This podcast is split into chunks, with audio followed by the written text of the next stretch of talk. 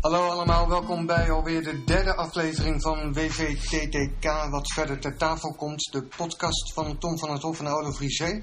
En vandaag zijn we te gast bij uh, schrijver en dichter H.C. ten Berge in zijn uh, atelier in Zutphen. Dank u wel uh, voor de ontvangst hier. En ik heb gevraagd of u een gedicht wilde voordragen uit de bundel Het Vertrapte Mysterie. Welk gedicht gaat u voordragen? Uh, dat is het eerste gedicht uit de reeks in de Piazzolla-straat. Vaak is het de plaatsing van voorwerpen op een tafel, schreef iemand eens in een brief. Het drinkglas, de haarspeld, een roos in een fles, pas besprenkeld, het water ververst. Hoe je begint, is een vraag die er steeds weer toe doet. Het einde nog zoek, het pad nooit gebaand, volg je ingeschapen strategieën, strijdige bedenksels, plooibaar of onbuigzaam, en bijeengehouden door de regels van een raadselachtig spel. Dat je begint, telkens weer, terwijl je er zelf niet toe doet. En waarover het gaat, is van minder belang dan muziek in de straat, een verlaten station, een pijn die het leven doordringt. Schaduw en lichtval, lucide manoeuvres, gevoelens van, gedachten aan, soms ook een voorwerp van vriendschap, vervoering of haat. Nog maar zelden en zonder illusies vervoeg je bezweren, bezwoer heeft bezworen. Het komt neer op geboorte en dood. Daartussen wat liefde die leeft en vergaat. Gemeenplaatsen, telkens opnieuw gefraseerd, op een shovelterras in een achterafstraat. Toch zijn er altijd weer ogen die glanzen, de jouwe. Je drinkt het geziene, je schenkt nog eens bij. Het eind in zicht, het pad gebaand, een gedicht praktisch klaar. Weet je dat bijna niets ertoe doet. Je zeilt op een geschonden planeet door een heilloos en onverschillig heelal. Dus, hoe gaan we beginnen? Ja, nou, Tom.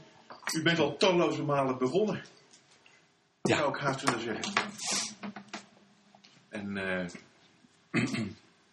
de vraag die ik daarbij... Laat ik het zo zeggen. In, in uh, de honkvaste reiziger heeft u een essay of een notitie uh, staan.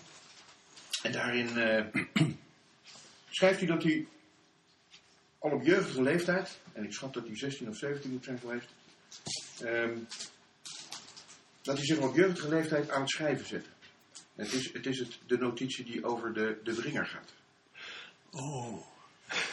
En daar, daar en u bent al 16, 17 jaar oud en, en uh, u, schrijft, u, schrijft, u zet zich aan het schrijven van een meesterwerk. En u schrijft daarin, de verwachting leek gerechtvaardigd dat ik die zomer een stemmenspel zou voltooien dat de kwaliteiten van Dylan Thomas onder het melkwoud wellicht ging evenaren. ja, maar goed, wat ik mij afvroeg is, heeft u ooit iets anders willen worden dan schrijver? Ja, nog even ervan afgezien dat het natuurlijk een vorm van ironie en zelfspot is. Ja, ja. Uh, want Dylan Thomas was in die periode heel populair met Onder het Melkwoud. Het werd door het Nederlands toneel opgevoerd. was op de televisie toen rond 1958, 59. Of iets eerder al. In die prachtige vertaling van Hugo Claus. Die echt heel briljant is. Uh, maar of ik altijd schrijver wilde worden, ik denk wel dat het al heel vroeg een rol heeft gespeeld. Misschien mede doordat er vlak na 45, 46, toen ik naar de lagere school ging voor het eerst, niet alleen leerde lezen, maar toch ook weinig vertier, ander vertier vond dan de mogelijkheid om boeken te lezen. Dus vanaf jongs, van jongs af aan heb ik altijd heel veel gelezen.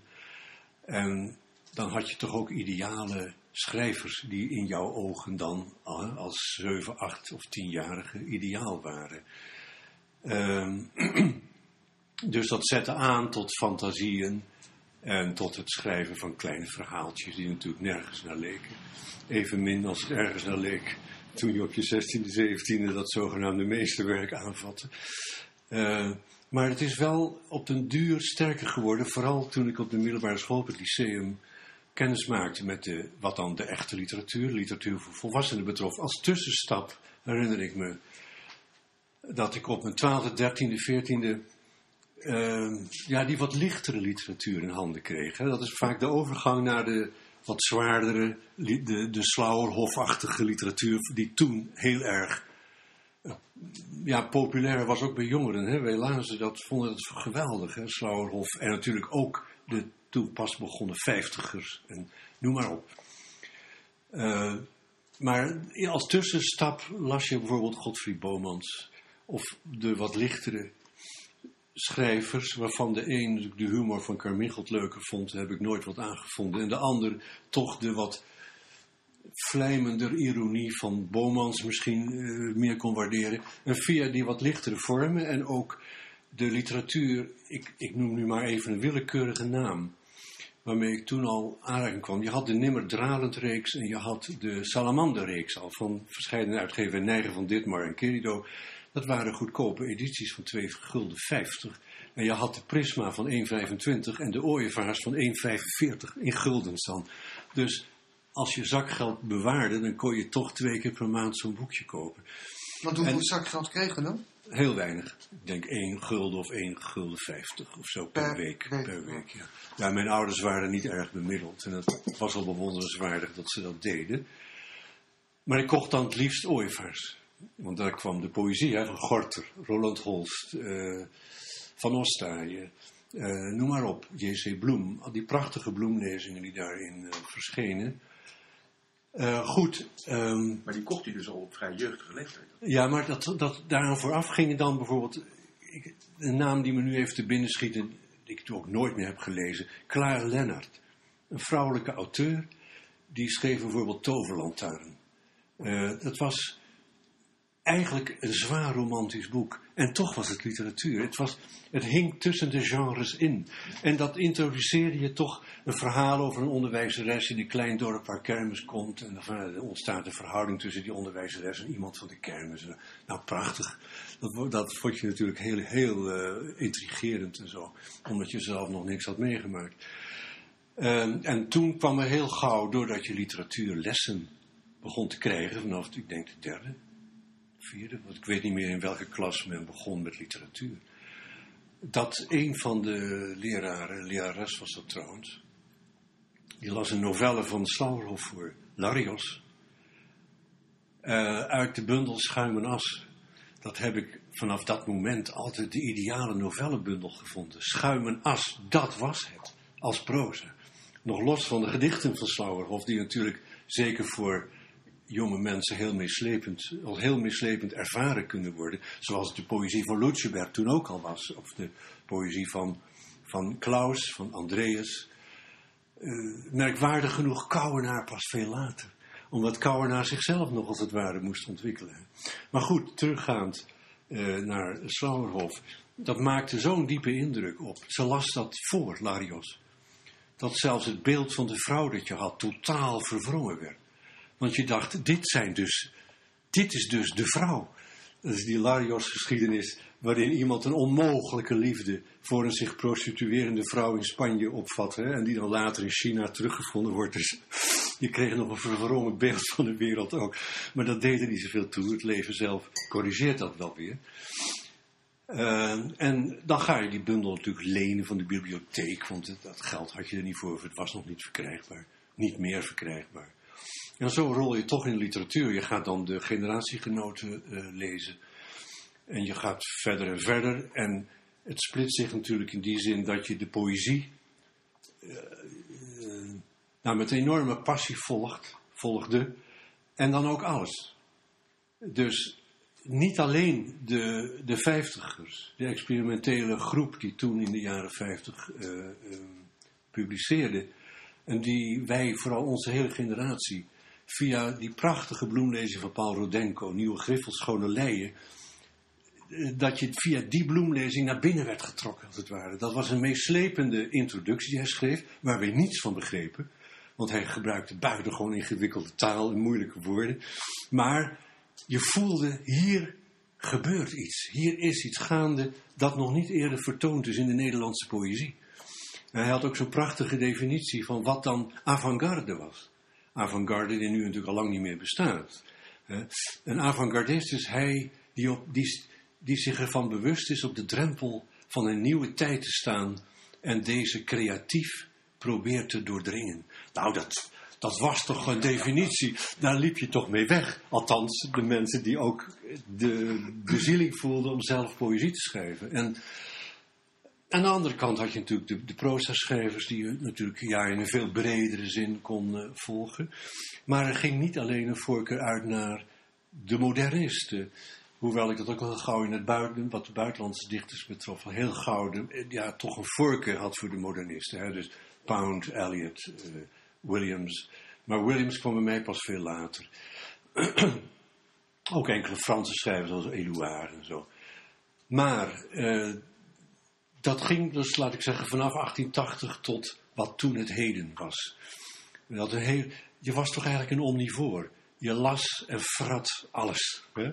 Uh, dat is ook goed. Je moet ook in het begin alles eten zijn. Zodat je later kunt zeggen, ja, maar die, dat genre, die soort poëzie, dat proza, dat is iets dat er bij mij inhakt. Of daar leer ik van. Uh, zo zou ik met alle wijzigingen van dien toch ook zelf wel willen werken. Maar schreef u in die tijd zelf ook al? Of las u wel, ja, het lyceumtijd, zeker de vierde, vijfde klas al wel, ja. ja. En was ook natuurlijk altijd de schoolkrant. Ik weet niet of die dingen nog bestaan, maar dat was toen heel populair. Elke school had een schoolkrant. Mm -hmm.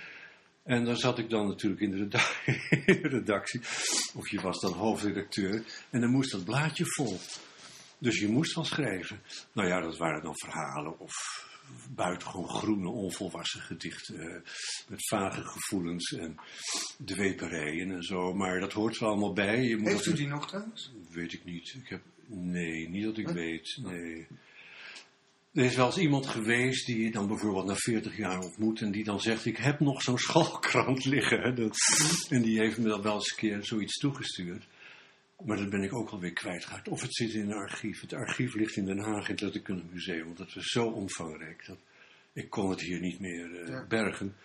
Het komt ook omdat ik natuurlijk jarenlang redacteur van Raster uh, ben geweest. Althans de eerste zes jaar het alleen moest doen. Dus ja, dat stapelt zich op. Dat kun je niet allemaal uh, bewaren. Maar zo is het min of meer, denk ik, gekomen dat je op een zeker ogenblik zelf bent gaan schrijven. Zeg op je zestiende, misschien iets eerder, misschien iets wat later. Uh, via de schoolkrant ook, via jongens en meisjes met wie je bevriend raakte en die ook bezeten waren van het lezen. Er was natuurlijk, dat moet men misschien wel goed zich realiseren, er was zo weinig anders.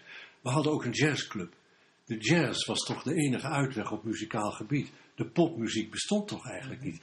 Die zogenaamde amusementsmuziek in Nederland vonden wij een pure verschrikking. Eddie Christiani. Max, hoe heette die? Uh, Max Tailleur. Nee, dat is een moppetapper. Oh, ja, uh, Max, uh, enfin, met accordeons en dan, en dan die Nederlandse teksten.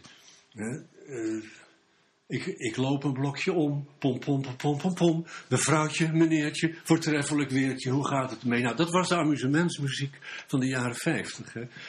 Rens van Dort wierpt even bij u aan, heette dat. Nou, dan was er alleen de jazz. Hè? Piet Velleman en natuurlijk al heel gauw Michiel de Ruiter. Die elke week weer jazzuitzendingen verzorgde. En je luisterde naar de EFN, EFN Frankfurt, de Amerikaanse radiozender. Of naar Radio Luxemburg, waar ze ook jazzuitzendingen hadden. Maar we hadden zelf, ik kom uit Bergen, Noord-Holland, hadden we een goede jazzclub tussen Alkmaar en Bergen in, waar een nachtclub stond. En dan op zondagen mochten we dat gratis smiddags gebruiken. En er kwamen dus alle, alle echt goede combo's. Hè? Dus uh, Diamond Five en Rita Reis met uh, Pim Jacobs trio. Wim Overgaal, fantastische gitarist was dat. Die man is erg, erg ondergewaardeerd gebleven, vind ik helaas veel te jong overleden. Maar en kwamen, als er buitenlandse gasten waren die ergens optraden, dan konden wij ze ook wel eens tegen een nou ja, betaalbare gage krijgen. En in die jazzclub waren weer alle mensen aanwezig met wie je ook literair geïnteresseerd was. Het was, het was toch, er was, in tegen, ja, ik weet niet hoe dat nu gaat, ik kan dat nu niet beoordelen, niet goed tenminste. Er was toch een algemeen gevoel van optimisme, dat in de eerste plaats. In de tweede plaats een brede belangstelling voor cultuur. Beeldende kunst, literatuur en muziek deden ertoe. En je ontmoette elkaar daarin. Nou was er nog één andere organisatie, behalve dat je jazzclubs had en literair geïnteresseerd. Dat was, het klinkt een beetje raar nu misschien, de NJN. De Nederlandse Jeugdbond voor Natuurstudie. Daar waren we ook allemaal lid van, want het was de enige anarchistische club die er was. Ongelooflijk leuke jongens en meisjes. Die natuurlijk in biologie geïnteresseerd waren. Maar een heleboel wisten er niks van. Maar daar werd je lid van, omdat het zo'n verdomd leuke club was. En de Nederlandse Jeugd van Natuurstudie had bijvoorbeeld in het weekends, weekenden op de Wadden. Of je stond in een moeras bij Oterleek of zo. Wist je veel waar je naar keek. En uh, die hadden congressen. En er werd gemusiceerd. Ik speelde trouwens zelf ook in die tijd. Uh, dus je kon, we zongen, we speelden.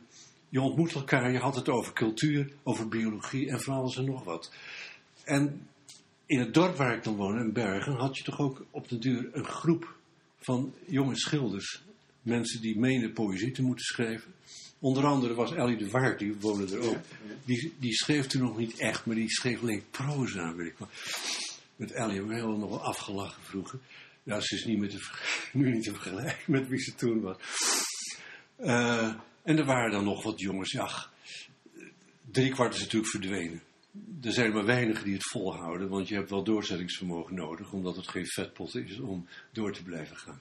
Een heleboel verdwijnen natuurlijk in het onderwijs, heel terecht en heel goed, want die kunnen weer juist enthousiast over de literatuur uh, spreken. Maar dan had je dus bepaalde richtingen, groepen. Mensen uit Amsterdam met wie we veel contact hadden en dat je over en weer bij elkaar logeerde. En zo groeide dat toch langzaam maar zeker uit tot wat dan bij mij het schrijven zou worden. Dat was ook het musiceren aanvankelijk nog bij, maar dat heb ik er aangegeven helaas. Ik vind ook dat je goed genoeg moet zijn om dat voor te zetten. Um, en die voelt zichzelf niet goed genoeg. Niet als nee, je was amateur, het was amateurwerk. En, uh, maar je ging wel naar de nachtconcerten in het concertgebouw. Toen was Norman Granz, Jazz at the Philharmonic. En die, die mensen, die kwam wat Jerry Mulligan. Het zij een kleine bezetting, het zij de big band. Uh, Chet Baker. Uh, het Modern Jazz Quartet. Dat waren toen hele gearchiveerde heren. Hè, die bijna in rockkostuum speelden. Kamerjazz. Nou, eigenlijk mocht je dat toch niks vinden, want dat, dat zat geen, geen geweldige uh, drive achter, geen geweldige. Maar die mensen zoals Mill Jackson was dan toch een fantastische vibrafonist. Die, in andere combinaties ging hij wel, trok hij flink van leren. Hè? Maar zolang John Lewis daar de leider van het Modern Jazz Quartet was, het leek wel, uh, we waren, ik was ook wel dol op klassieke muziek, maar dat hoefde ik niet in de jazz nog eens na te beluisteren. En dat waren van die keurige composities, fontessen, er kwam geen eind aan. Het ging allemaal even langzaam. maar goed, die speelden het dan toch, daar ging je toch heen naar het concertgebouw, s'avonds om 12, s'nachts om 12 uur, na de officiële concert. Begon dat, het was om twee, drie uur afgelopen. En dan liep je door Amsterdam. Wij hadden geen geld, want je had nooit geld. Uh, liep je door de stad. En dan kwam je om vijf uur, als de eerste melkwagens gingen rijden, was je aan de rand van de stad en dan kon je naar huis liften met zo'n melkauto. Want we moesten terug naar Bergen en zo. Uh, trouwens, er staat nog in een van die, in de Hollandse sermoenen. Daar staat een gedicht dat hier onder andere over gaat. Het is geloof ik de vierde, vierde sermoen over iets, een heel herfstig gedicht is. En dat is een soort zoekend gedicht tussen het heden met al zijn gruwelijkheden, die er toen natuurlijk ook waren, hè, naar een soort melancholieke, ja, hoe moet ik het noemen? Een vorm van melancholie, waarin iemand zich even herinnert dat hij naar een jazzconcert s'nachts ging en dan door de stad terugliep. En dat, dat, dat was toen de Art Blakey, de Jazz Messenger. Waar, en dat je dan, dat ding marching heette dat. Hè? Dan liep je, gewoon, liep je gewoon te zingen in je eentje. Dat was toch eigenlijk wel. En geen gedonder met die meisjes. En geen gedonder met dit, maar je had die muziek in je kop en je liep naar de rand van de stad. En zag dat de eerste bakker zijn broodjes klaar had. Want je rook de geur van zijn bakkerij en dan klopt je. Of je een broodje mocht. Die kreeg je dan, want je had geen geld om het te kopen. En nou, dat, dat is even in dat gedicht komt dat naar voren. En het eindigt dan met een kleine ja, herinnering aan het herfstige. En een plek waar je dan komt. En waar het gedicht zich oplost in twee woorden door een paar puntjes gevolgd. Het eindigt met het woord zodat. Hebben we het gedicht hier toevallig bij de hand? Het staat, ja, ik, ik heb het wel in de Hollandse Want nu wil ik het eigenlijk ook wel horen. Ja, maar het is een lang gedicht. Ja, we hebben Eh, tijd. ik, kan, ik kan bijvoorbeeld het, het eind laten horen en het middenstuk. Ja, prima. Ja. Het is welk sermoen? Uit, uit welk jaar is deze bundel? 2008. Deze is... Het heet, oh ja, nu weet ik, was vergeten. Sermoen in ele- elegisch geprevel verzinkend. Het was ook een vorm van lichte zelfspot en zo. En daar komt op een goed moment een herinnering in voor. Het begint met de Finamors. Een middeleeuws begrip. Ik ben altijd dol op de middeleeuwen geweest, maar dat laat ik nu even terzijde. Maar de Finamors is de liefde zoals die in de 12e eeuw werd opgevat.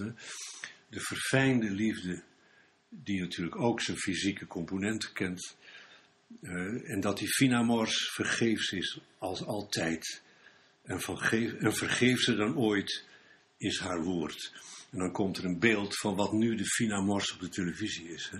Al die naakte lijven en al dat gezeik en geneuk. Eh, vergelijk dat eens. Niet dat ik tegen dat soort dingen bezwaren heb. Het heeft niks met preutsheid te maken. Maar het is de openbaarheid van alles. Het zich binnenste buiten keren en gezien willen worden. Terwijl er niets meer verinnerlijkt wordt. En dat is natuurlijk veel intenser dan alleen maar jezelf laten zien. Dat is alleen maar buitenkant. Het gaat dan over al die mensen die zich wijdbeens met Jan Hagel op schermen en buizend vertoont. En dan verderop herinnert de, de sermoen spreker zich een ontmoeting met vrienden in Canada. Dat zijn mijn oude vrienden eh, Rothenberg en Tarn. En Tarn publiceerde als antropoloog onder de, onder de naam Mike Mendelssohn. Hij heeft, eh, is gepromoveerd op het boeddhisme en doet hij onder de andere naam dan zijn poëzie. Iemand gruwt van je onwetendheid. Ignorance is tragedy. Jaren later, in ijzig Ontario, met Mike Mendelssohn en Jerry R. Op sneeuwschoenen door het gestolde moeras. Rode neuzen, sproze lippen, je sleeuwenmond met tinteltand. Kennis is een hindernis soms. Gruw gutteraal tot je keel is verrouwd. Herinner je liever hoe Dizzy of Art, nee, toch Lee, met de Messengers Moaning speelde. En Benny Golson's fluwelen klankje vervulde. Puur geluk en geen meidengezeur, halfluid neuriënd s'nachts door Amsterdam gelopen. Padidabab, pado dadidado, ah, voor dag en dauw teruggelift naar het dorp. Je lichaam gonsde, was euforisch moe. De geur van vers brood opgesnoven. Geen stuiver op zak. Stond in de deur. De oven stoof af. De bakker streek over zijn hart. Zijn ruitjesbroek onder het meel. Gaf twee warme puntjes en puddingbrood toe. Vielen gaten sindsdien. De ziel, eerst ontkend, bleek naderhand een onstelbaar vergiet. Dode vrienden, lege stoelen in steeds andere tuinen, die voor jou dezelfde zijn. Die tekst gaat dan door en eindigt met: Hier kruipt de avond weer vroeg naar de huizen. Herfstlicht, draden van hekken naar hagen, geur van appelrot en vochtig blad. Het grote weven is gaande. Een pad tussen bomen voert naar een stulp in hooggras. waar wij vroeger graag kwamen. Verveloos hout en verval. Oord van verzoening en vluchtig genot. Een paard schurkt haar flank tegen een paal. Een beeld keert terug in het oog. Klinkt van ver de onzichtbare zee. Is de ruit zout beslagen.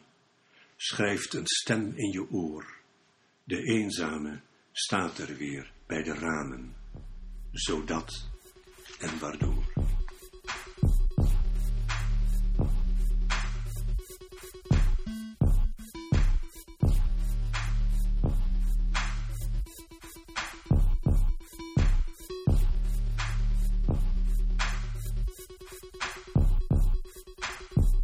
Uw eerste bundel werd uitgebracht in, ik meen in 1964. Klopt. Polsman. Polsneeuw, ja. Ja. Tje, Ik, ik wil u ook vragen eh, wat eh, in eh, het juryrapport van de PC Hoofdprijs, hè, die u heeft toegekend gekregen in 2006, Ja. wordt er namelijk iets gezegd over Paul Sneeuw. En met name over het openingsgedicht. En Hans Groenewegen die zegt daar eigenlijk het volgende. Dit openingsgedicht van het oeuvre bevat tal van elementen die later uitgewerkt zijn.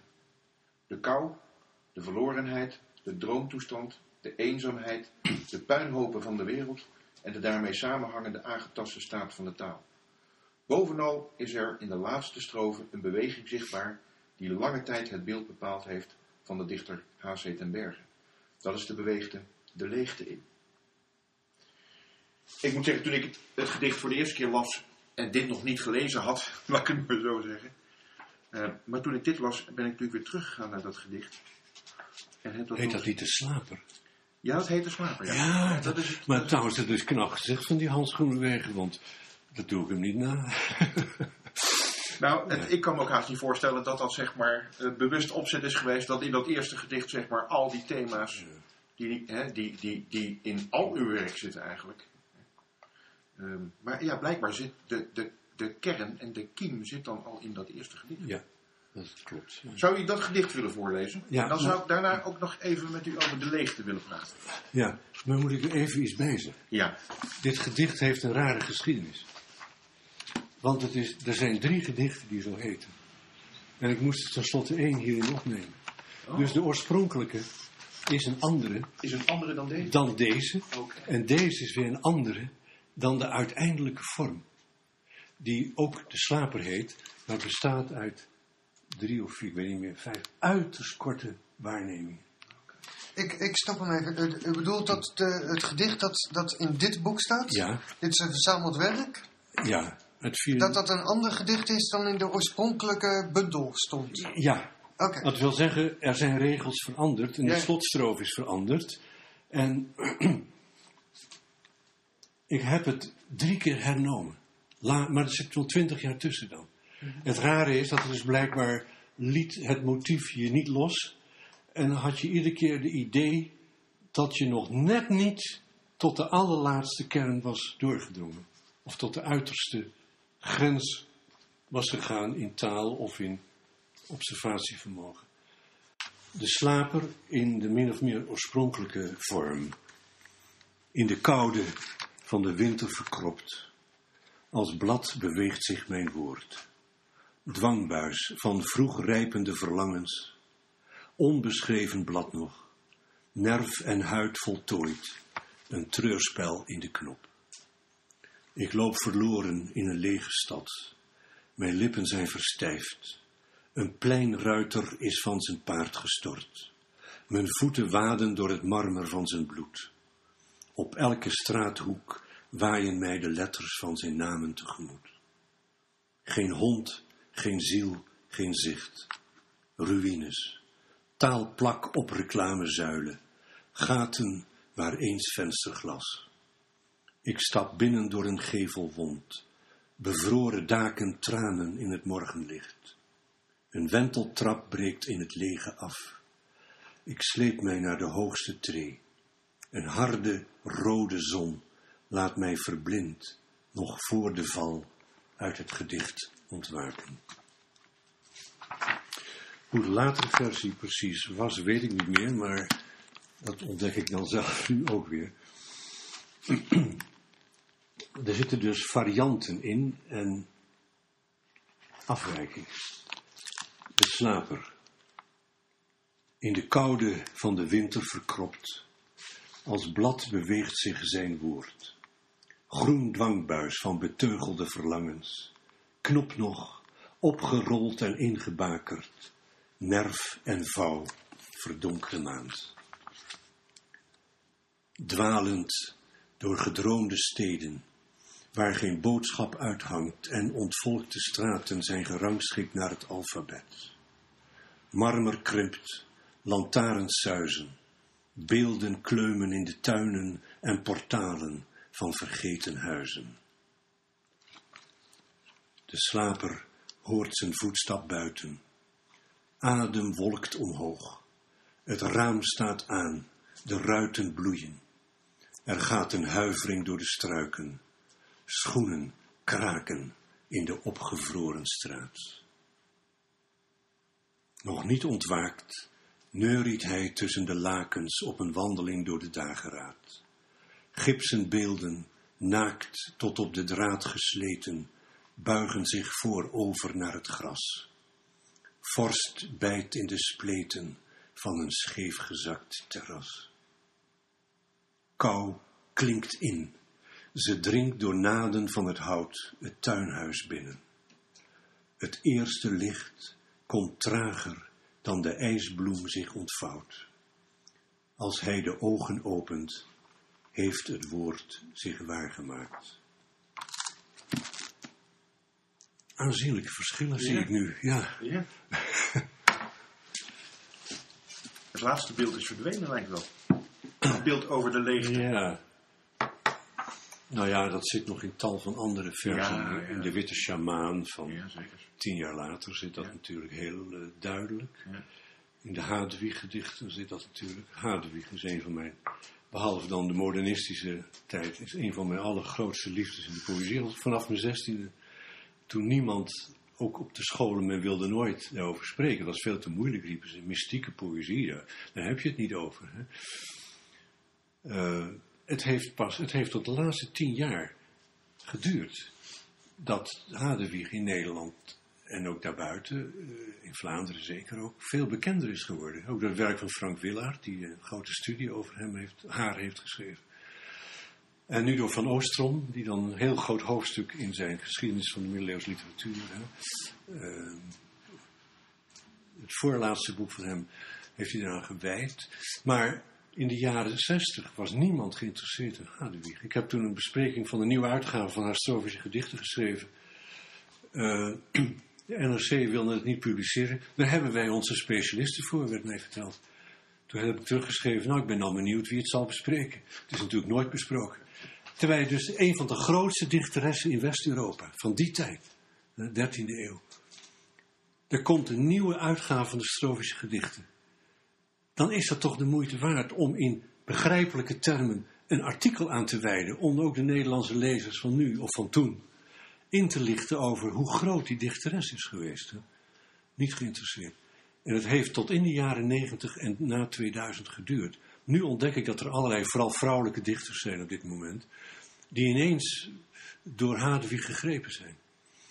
Onlangs is ook de muziek ontdekt waarop die strofische gedichten werden gezongen. Dat was natuurlijk tot 2000 geheel onbekend. Maar haar, haar eh, poëzie heeft op mij een onuitwisbare indruk gemaakt vanaf de allereerste regel.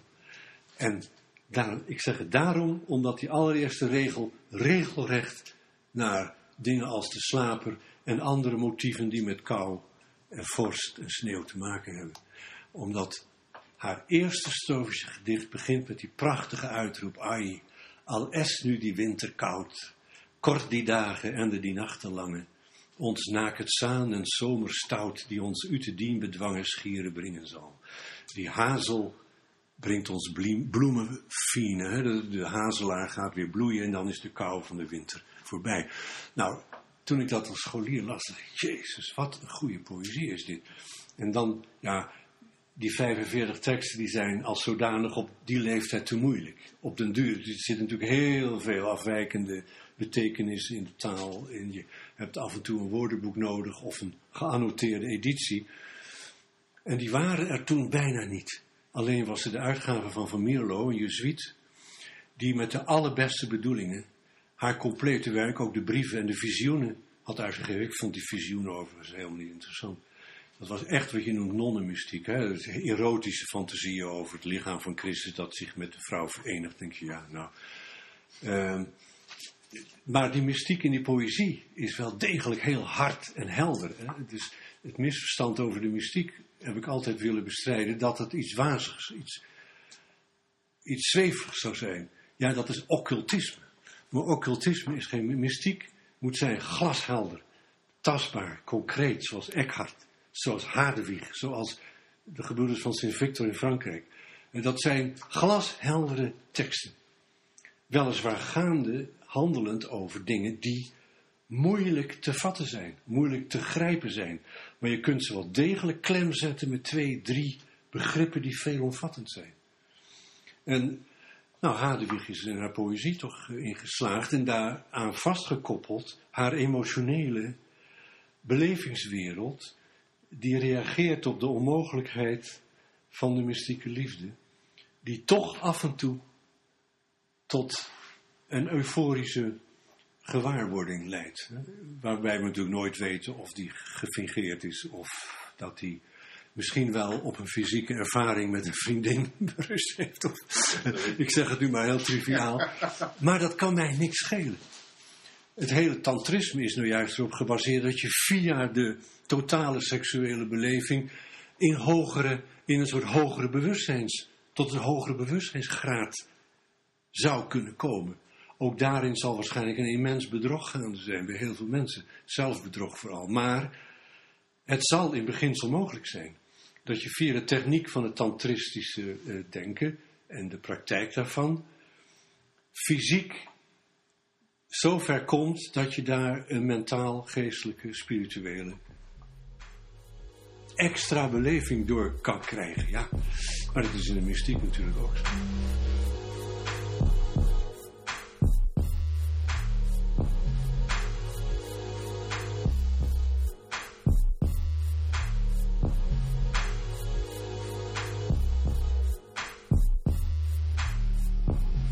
Feit dat raster bestond en deed toen in mijn eentje, was aanleiding om van allerlei kanten als, het, de kop van Jut gebruikt te worden.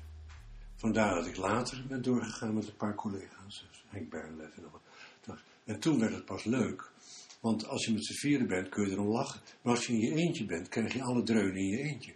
En dat is dan ook voor thuis niet zo leuk. Trok u zich dat aan? Lang niet altijd, dat kunnen we aan de gang, maar sommige dingen waren zo smerig. Want de NRC deed toen onder Pol er ook hard aan mee. En Parool, de enige krant waar ik fatsoenlijk behandeld was destijds de Volkskrant. Maar waar waren ze precies op tegen? Dat weet ik niet. Ze kenden mij niet, ik bemoeide me nergens mee. Ik behoorde niet tot een club of een groep. Ik kwam ook niet in de cafés. Ik was vrij, niet afgezonderd, maar wel alleen. Ik, Ja, ja. ik was niet iemand die met iedereen dikke vrienden was. En, maar ook geen vijand. Nou, bij Komrij lag het natuurlijk anders. Bij Pol, dat was toen de boekenredacteur van de NRC, lag het, snapte ik ook niet. Heb ik nooit iets van begrepen. Maar hij gaf iedere keer het tijdschrift en ook mijn bundels aan mensen van wie hij wist dat ze verklaarde tegenstanders waren. Het Hermans-nummer, W.F. Hermans-nummer, gaf hij aan Kousbroek. Waarom? Omdat Kousbroek. Nou, ik heb geen zin in. Dat zijn zulke vervelende verhalen. Kousbroek had zelf twee bijdragen toegezegd voor het Hermans-nummer. Hij heeft mij drie kwart jaar aan de lijn gehouden. Hij belde voortdurend op. Ja, ik ben nog niet klaar. Ja, ik heb nog even tijd nodig. En op een zeker moment dacht ik, ja, nu kan ik niet langer wachten. Het nummer moet in productie worden genomen. Hij had twee onderwerpen voor zijn rekening genomen. En op een zondagochtend vroeg om negen uur, weet ik veel, kwam misschien nauwelijks uit mijn bed. Kwam er een telefoontje. Hij zei, ik doe het niet, want toen hing hij gauw op. Dat is het werkelijke gedrag van Nederlandse auteurs blijkbaar. Vandaar dat ik niks met ze te maken wil hebben. Toen dacht ik, nou breek mijn klomp. Het, de dag erop kon het tijdschrift in productie gaan. Maar zonder die twee belangrijke onderwerpen, die natuurlijk noodzakelijk waren voor het bespreken van het oeuvre van W.F. Hermans. Ja. Het, er stond overigens een prachtig stukje van Helle Haase over, over eh, Nooit meer slapen. Van nog een paar mensen, Donald Bedlam, die heel erg thuis was in de donkere kamer. Had ook alle archieven gelezen in, van de regering over die kwesties van geheime dienst en zo. nog geen week na verschijning was een nummer van 200 pagina's. Staat er een pagina grote, vernietigende kritiek van het Hermans-nummer in, geschreven door Rudy Kousbroek. Nou vraag ik je, de Nederlandse literatuur. Dingen toezeggen, mee willen doen. Hij claimde onderwerpen die hij absoluut wilde bespreken. En dat hij dan niet meedoet is jammer. Ik heb daar geen woord in mijn voorwoord. Alleen gezegd, God, door omstandigheden zijn er helaas een paar bijdragen komen te vervallen. Dat is het enige wat je moet zeggen. En in de NRC, zo'n stuk. En hoe heette dat stuk? Een Hermansnummer voor zittenblijvers. Hij was altijd erg bezig met zittenblijvers. En mensen die wel bleven zitten en mensen die niet bleven zitten. En toen heb ik zo'n kort ingezonden stukje geschreven. Ik dacht, dit wordt toch te gek. Want de lezers lichtte hij niet in. Want zo eerlijk was hij dus niet. Als hij nou gezegd had in zijn vernietigende bespreking. Ik had zelf twee bijdragen toegezegd en die zijn er niet gekomen. Dan had ik gedacht, oké, hij is tenminste eerlijk. Nee, dat verzweeg hij. En legde wel de vinger op de wonde plek. Die en die onderwerpen worden niet besproken. Over schunnigheid. Zo ben ik dus ja, zes jaar lang behandeld toen ik het alleen deed. En dan komt er een moment waarop je denkt, ja, maar hier heb ik geen zin meer. Ik heb geen zin om elke, elke drie maanden afgemaakt te worden door een stelletje hufters. Want ik was heel enthousiast over literatuur, over poëzie, over muziek, over beeldende kunsten. En iedere keer zit er iemand die trekt je aan je jas terug. Maar ik had zo'n klein stukje geschreven. Want je mag niet, nooit meer dan 300 woorden ingestonden eh, schrijven. Die redacteuren mogen altijd drie pagina's vol schrijven. Maar iemand die denkt, ja, maar dit kan zo niet. Niet geplaatst. Terwijl ik daar heel kort alleen maar zei, met betrekking tot die bespreking van Kousbroek, dat de heer Kousbroek zelf twee bijdragen had toegezegd aan het nummer. Die zijn er niet verschenen. En vervolgens breekt hij het nummer af. Mocht niet worden bekendgemaakt. En de, de lezers moesten wel weten dat het Vullis was en dat ik een zittenblijver was. Maar ze mochten niet weten dat de bespreker zelf aan het blad twee dingen had willen bijdragen. Nou, dit is maar één voorbeeld van tientallen. En dan komt er een moment waarop je zegt, ja, maar ik, ik, ik, het is heel moeilijk om je integriteit te blijven bewaren als het zo doorgaat. Dus ik hou ermee op. Ben ik na zes jaar gestopt. Waarom Nou, bent u überhaupt met Raster begonnen? Wat was zeg maar het motief, want u heeft het opgericht, om ermee te beginnen? Nou, dat was een heel eenvoudige aanleiding. Helemaal geen ideologische of theoretische of zo. Merlijn hield op te verschijnen in 66. En Podium liep ook op zijn laatste benen. En dat waren de twee bladen die ik heel interessant vond. De een, Merlijn als een soort serieus, beschouwend en ook creatief blad. En aan de andere kant Podium als een geavanceerd, slordig, half avant-gardistisch blad waar alles kon. En die twee polen zouden, de podium is er kort erop ook gestopt, zouden verdwijnen. Toen dacht ik, gelukkig heb ik dat toen, noem je dat, onbezonnen gedaan. Want als ik geweten had wat me boven het hoofd had, had ik, was ik er niet aan, had ik het waarschijnlijk niet gedurfd in mijn eentje. Dus, maar uit een soort onbezonnenheid dacht ik, oh, en enthousiasme. Ja, maar er moet toch een blad voor ons ko- komen. Toen ben ik mee begonnen. En daar heb ik ook in gezegd. Merlijn vertrok, podium hield op. Er was dus voor een bepaald soort auteurs minder publicatiemogelijkheid. En die mogelijkheid kon ik dan bieden. Maar was, was Raster ook inhoudelijk een combinatie van die twee bladen? Eventjes, aanvankelijk. eh, ja, je moet natuurlijk beginnen vanuit een soort voedingsbodem die er al is, want anders dan begin je in het luchtledig. Eh, het was de bedoeling geweest om wat structurele analyses, misschien nog te publiceren, wat beschouwingen die zich bezighouden met één boek, één tekst, één, niet om het allemaal over van alles en nog wat te hebben. Nou, dat is, ik geloof al het tweede nummer dacht ik al, dat wordt niks. dat, eh, dat hebben we gehad in Berlijn. Hè? Eh, Kees Vens deed bijvoorbeeld wel mee, Maar Kees Vens was toch al niet zo structuralist. Dus die leverde dan wel een paar bijdragen, bijvoorbeeld over de gasfitter van Achterberg. Hè, die lange reeks gedichten van Achterberg. Maar daar kwam hij bijna niet uit. Hè. Was, waren twee beschouwingen. Nou, de eerste had hij dan met moeite af. En hij begon toen steeds meer grotere stukken voor de krant te schrijven in bepaalde afmeting. Ik noem maar wat duizend woorden of 2000 woorden. En hij, kon, hij schreef op maat. Daardoor kon hij die langere essays, dat kreeg hij niet meer uit zijn pen. Dus hij moest toen dat die beschouwing over Achterberg afzien te maken. Nou, dat heeft maanden geduurd. Ja, dit doe ik maar nooit meer, want uh, dat, uh, het lag hem niet meer. Hij, hij, kon dat niet meer. Lange stukken over poëzie. Wel die stukken, die, wat hij noemde de maandagstukken, die, die lange beschouwingen. Voor een krant lange beschouwingen, maar hij kon dat toch heel goed formuleren.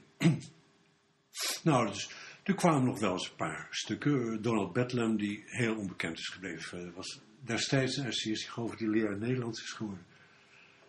Die schreef over W.F. Hermans twee buitengewoon goede stukken. Die had alles uitgeplozen over de achtergronden van de Donkere Kamer. Dat had nog niemand in die tijd gedaan, in 1967.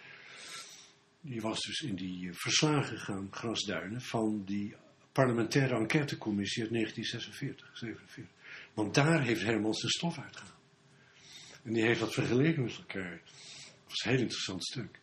Nou, moet je je voorstellen dat zoiets wordt afgemaakt door meneer Koud. denk je toch ook. Waarom is men niet enthousiast over dat dat boven water komt? Ja. Geen idee. Nee. Ik heb, ben zelf helemaal geen polemicus, dus polemist. Dat ligt me niet zo. Dan moet je het ook nooit doen. Want je slaat er altijd net naast. Uh, dus met Komrij bijvoorbeeld moet je nooit, moest je nooit in strijdperk treden, want je zou het altijd verliezen. Niet omdat hij gelijk had, maar hij deed het handiger. Hij had gewoon de wapens waarmee hij altijd een beetje schermde. Dus hou je mond maar. Ga nergens op in, dat vindt hij ook vreselijk. Dat vond hij veel erger. Dat je hem totaal negeerde.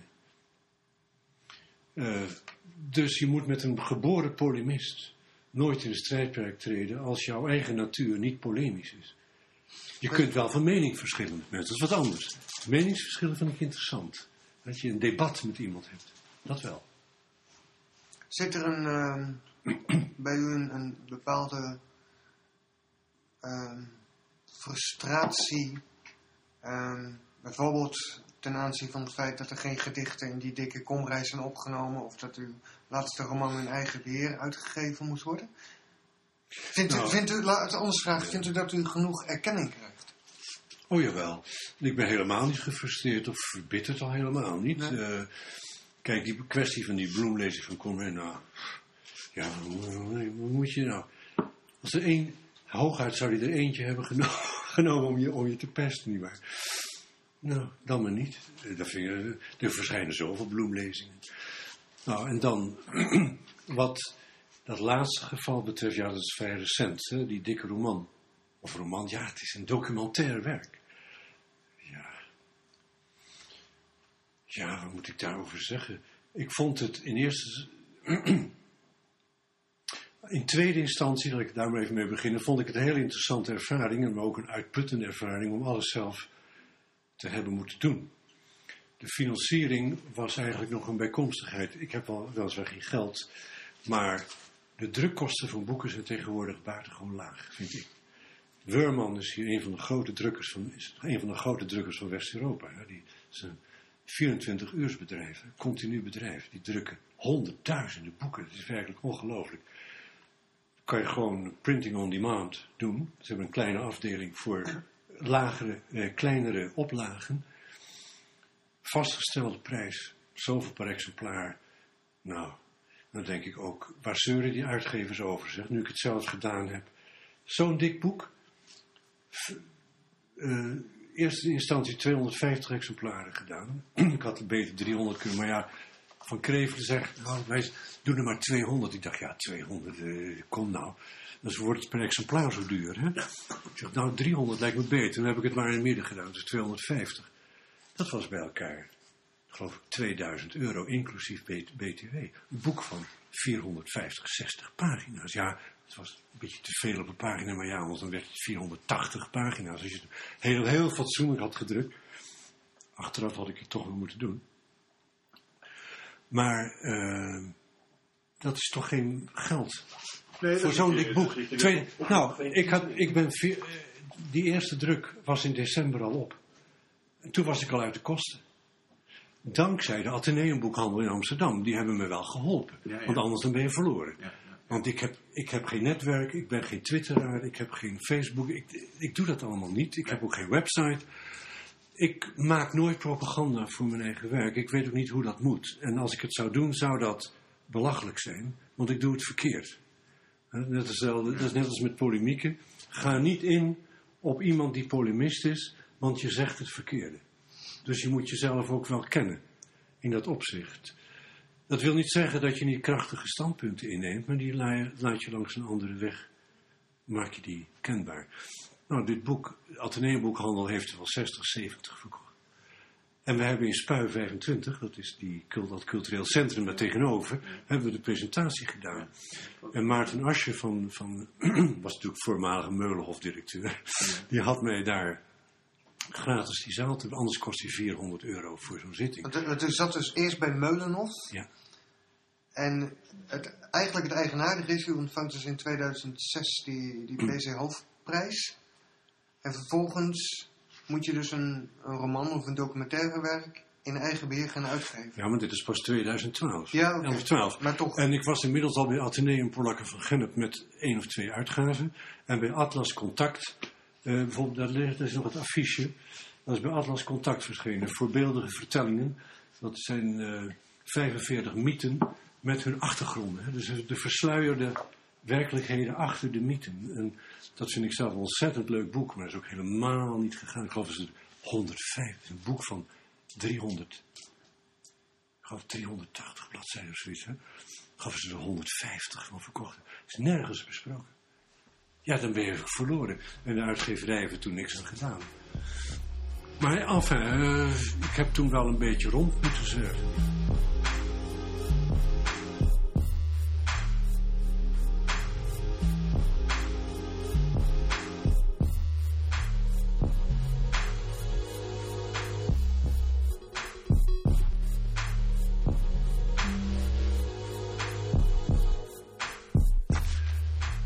Laatste modernist. Hij wilde bij maanlicht vulkanen bestijgen, maar dronk een glas wijn bij het vuur. Hij dacht zich op jacht in het schemerige noorden, maar stond in een sneeuwbui van meeuwen op pasgeploegd land. Hij moest nog een meesterwerk scheppen, maar viel in slaap bij muziek van ooit weer en voorheen. Hij droomde een mes in de strot van de poolvos, maar priemde een balpen door kringlooppapier. Hij tartte het weer en de wereld, verachtte de God van de Vader, maar zag dat ook zijn naam stilaan verdween. Hij strooide ze rond, explosies van kleuren, vermetele beelden, maar hoorde blasfemische echo's vol spot. Hij wist zich op weg naar de hemel, maar stuitte op plaksterren aan het plafond. Hij dacht aan een lichaam volleerd in de liefde, maar lag naast een lijf dat niks wou.